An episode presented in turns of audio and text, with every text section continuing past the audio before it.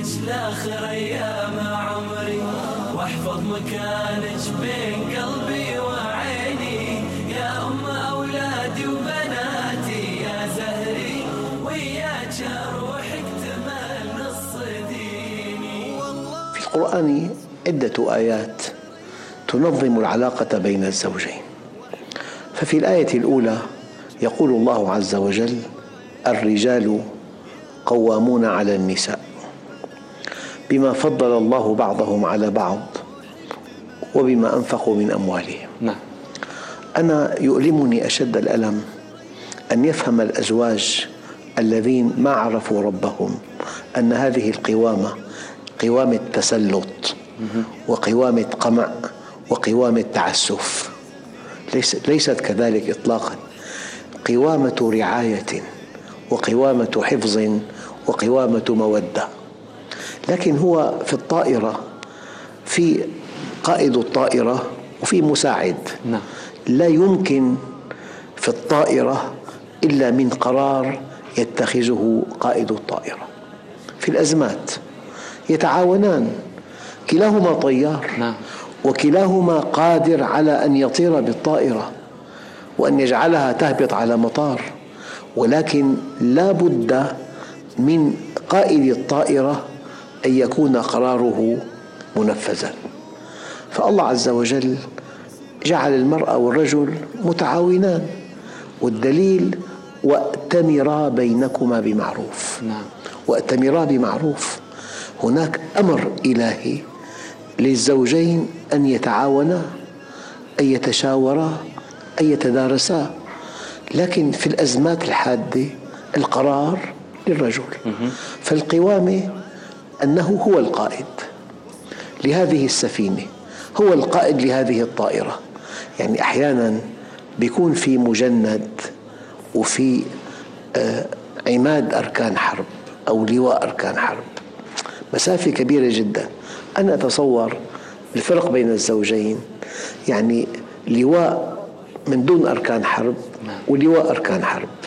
فرق دورة بس. نعم. القرار له لأنها شريكة الحياة.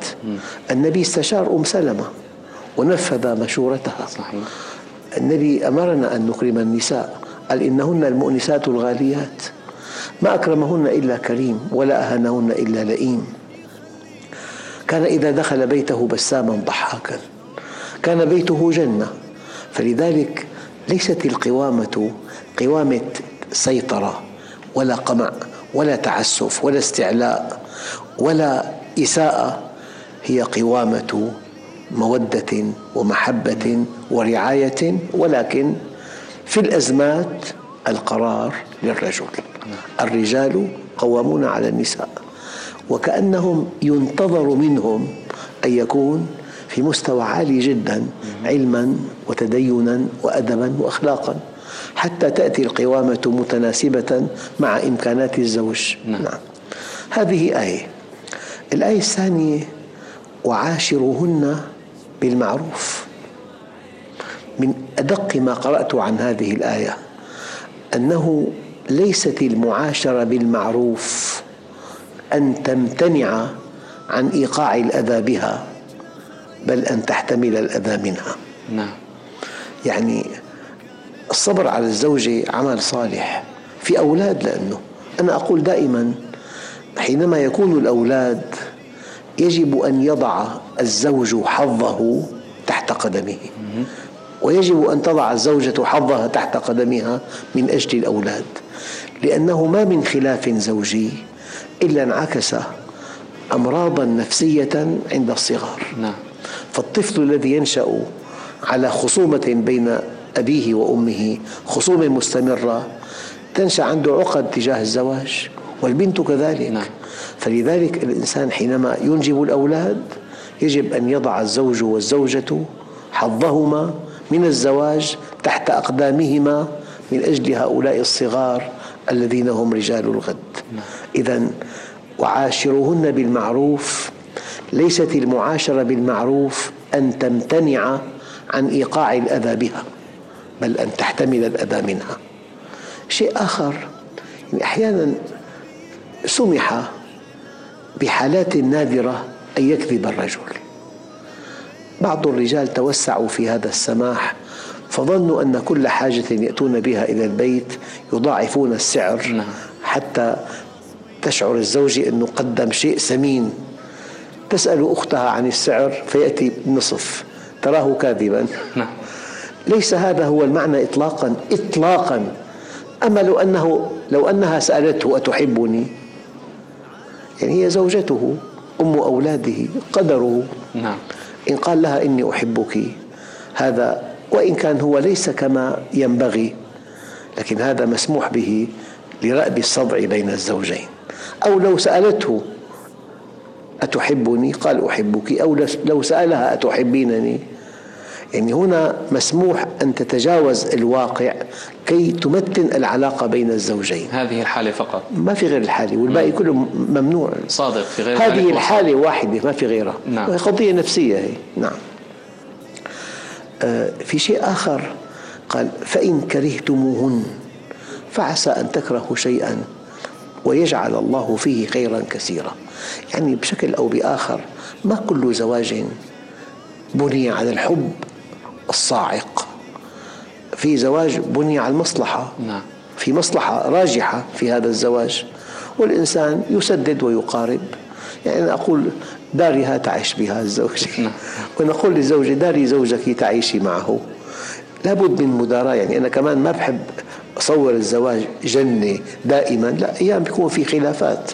بس البطولة لا أن تنجو من مشكلة في الحياة الدنيا. أن تقف الموقف الكامل منها. في فرق. نعم. إنسان الله امتحنه بزوجة ليست على ما ينبغي. أن يتسع بها وأن يستوعبها وأن ينمي إيجابياتها يكون زوج عاقل. لذلك دائما وأبدا آه، البطولة أن تقف الموقف الكامل من أي مشكلة تلم بالإنسان. في نقطة دقيقة في أي خلاف زوجي ينفعل الزوج ويقول اذهبي إلى بيت أهلك نعم.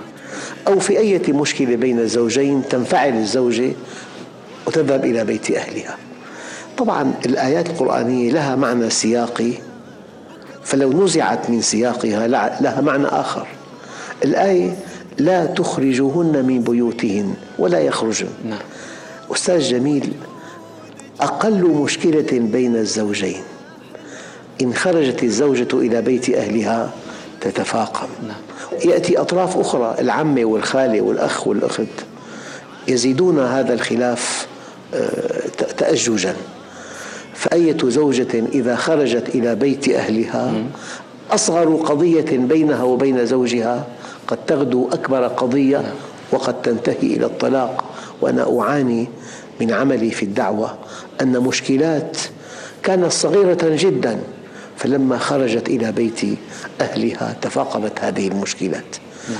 بقابل ذلك وأية مشكلة مهما كانت كبيرة بين الزوجين إذا بقيت الزوجة في بيت زوجها هذه المشكلة صغرت وتلاشت وانتهت. نعم. فهذا توجيه قرآني لا تخرجوهن من بيوتهن ولا يخرجن.